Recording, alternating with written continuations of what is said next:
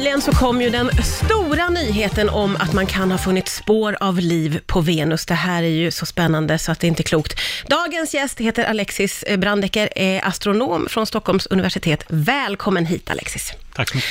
Vad var det exakt man hittade på Venus? Ja, med hjälp av radioteleskop så hittade man en signal från ett ämne som heter fosfin som eh, man hittade i Venus atmosfär och det var totalt oväntat att man skulle hitta det där. Ja, det, det förstod man att det var chockartat, men, men vad är det för någonting? Vad, vad är det som tyder på att det skulle kunna vara, röra sig om spår av liv? Ja, det är nämligen så att det här fosfinet, det, det är ganska relativt mycket fosfin i Venus atmosfär och det sättet man kan tillverka fosfin på genom naturliga processer, de kan inte tillverka fosfin i tillräckliga mängder, tror man. Eh, och på jorden vet man att det är just liv som är, orsakar det här fosfin. Eh, så, ehm, så fosfin har ansetts vara en väldigt bra biomarkör, det vill säga ett spår just för liv. Och det var ju chockartat att man hittade på Venus, för det var ju totalt oväntat att man skulle hitta något spår av liv där. Hur kom det sig att man hittade det då? Ja, ja man, man letade faktiskt efter fosfin, eller man, man provade att eh, ta ett, ett, ett, ett prov kan man säga på Venus, för det vad man egentligen var intresserad av är att leta efter fosfin på andra planeter runt andra stjärnor. Och eh, då testade man på Venus bara för att få någon slags kalibreringspunkt. Så det var helt oväntat att man verkligen skulle hitta fosfin. Det hade man inte väntat sig. Det var bara för att testa utrustningen helt enkelt? I princip, ja. Precis. Då, då förstår jag att det blev en sån otrolig chock ja. eh, för alla. Eh, men om det här inte skulle röra sig om spår av liv, vad kan det vara annars? Ja, ja det, det, vet vi ju inte. Det, det, skulle kunna vara någon kemisk reaktion som man inte har tagit hänsyn till. Det är lite komplicerat den här kemin. Men det man har tagit hänsyn till, till exempel vulkanism och blixtnedslag och alla möjliga olika sätt som man skulle kunna eh, tillverka fosfin på, de funkar inte riktigt enligt de kemiska modeller man har idag. Men det kan ju hända att om man modifierar dem så kommer det kunna funka i framtiden. Det vet vi inte riktigt än. Nej, och det krävs mycket, man måste vända och vrida ganska mycket på det här, naturligtvis, ja. framåt. Det är bara liksom den första upptäckten som har gjorts. Hur mycket jobb ligger det framför oss nu för att liksom få de här svaren? Ja, alltså nu när man har upptäckt det, då är jag helt säker på att det är många grupper som kommer kasta sig över problemet med att göra bra kemiska modeller. Så vi kommer säkert få höra någonting inom de närmaste månaderna, skulle jag gissa. Ja, du tror att det kommer att gå så pass? Ja, det tror jag, för att det är väldigt stark konkurrens nu om att komma fram till bra resultat. Så att ja, ja, ja, nu vill alla vara med på det här tåget naturligtvis. Jag bombarderar Alexis med frågor för att det är ju väldigt, alltså eh, fantasin springer ju iväg med mig. Och nu under låten så säger ju du Alexis att eh, om det skulle vara så att det kommer fram att det man har hittat på Venus är spår av liv, då är det möjligt att det kan uppstå i stort sett var som helst, om jag förstår det rätt. Ja, alltså om det har uppstått eh, liv på Venus som är oberoende av det som uppstår på jorden, då betyder det att det är väldigt vanligt och väldigt enkelt för liv att uppstå. Då kan det i stort sett finnas överallt i hela galaxen, fullt av liv. Men det där låter ju jättekonstigt när du säger så, för det känns ju som att vi är ensamma. Menar du att det har funnits liv förr, eller att det kan uppstå sen? Eller menar du att det finns små bakterier som lever nu? Mm. Ja, det är precis så jag menar. Att, att om det har uppkommit på, li, på liv på Venus, då ja. vet vi att den här, eh, den här saken som gjorde att liv uppkom, inte är helt unik för jorden, utan det sker även på Venus. Och om det sker på den närmaste planeten till jorden, då måste det helt enkelt ske på typ alla planeter, eller många planeter i alla fall. Men du, det här med att Venus är en så ogästvänlig planet, kan du berätta lite om förutsättningarna på, på den här planeten? Ja, till att börja med så Venus har en väldigt tjock atmosfär, mycket tjockare än jorden. Det är hundra gånger tjockare än jorden, så att man har ett extremt tryck. Det var som att vara en kilometer under ytan, under vattenytan.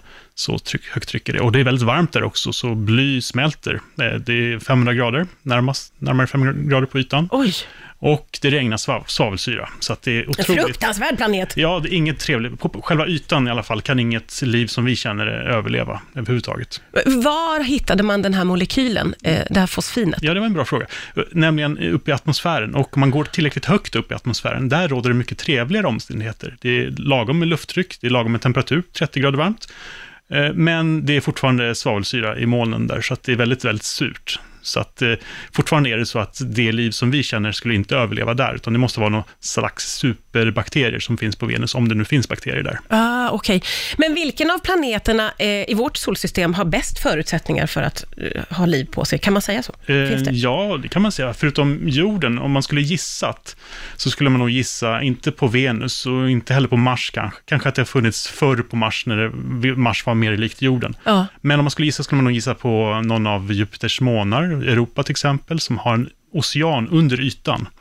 Eh, Eller på Enceladus som är en Saturnusmåne som också har vatten under ytan. Där, Ah, där ja, tror man ja. att förutsättningarna för liv finns i alla fall. Ja.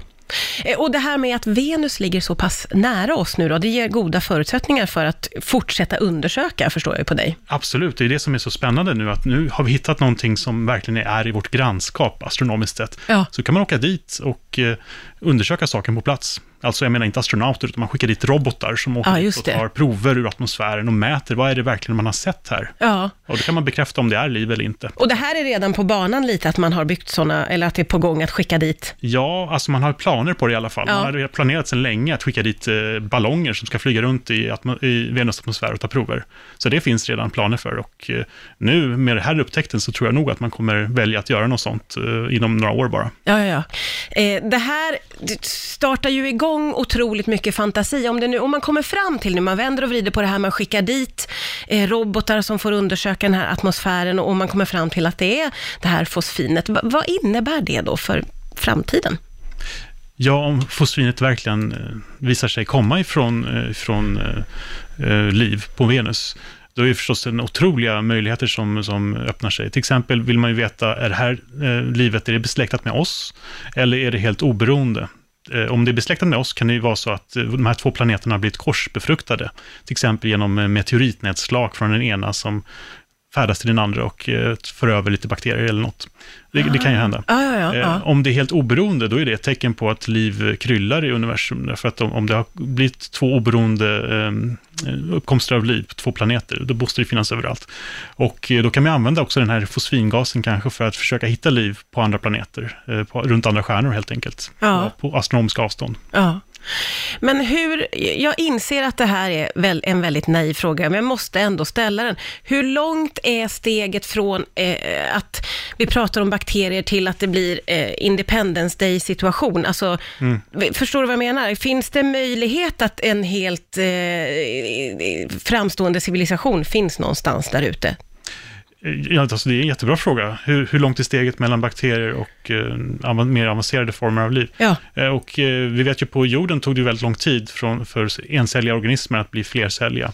Eh, Och eh, det är möjligt att det är en, en process som är svårare än, än själva bildandet av liv från början. Och att det är jätteovanligt. Det kan ju vara så att det är jättevanligt, jättevanligt med enkla eh, bakterier eller liknande saker runt om i universum. Men att det är extremt ovanligt med flercelliga djur eller intelligenta varelser. Det är möjligt att det är så. Det vet vi, har vi ingen uppfattning om i dagsläget. Nej, inte än, Inte kan än. vi säga.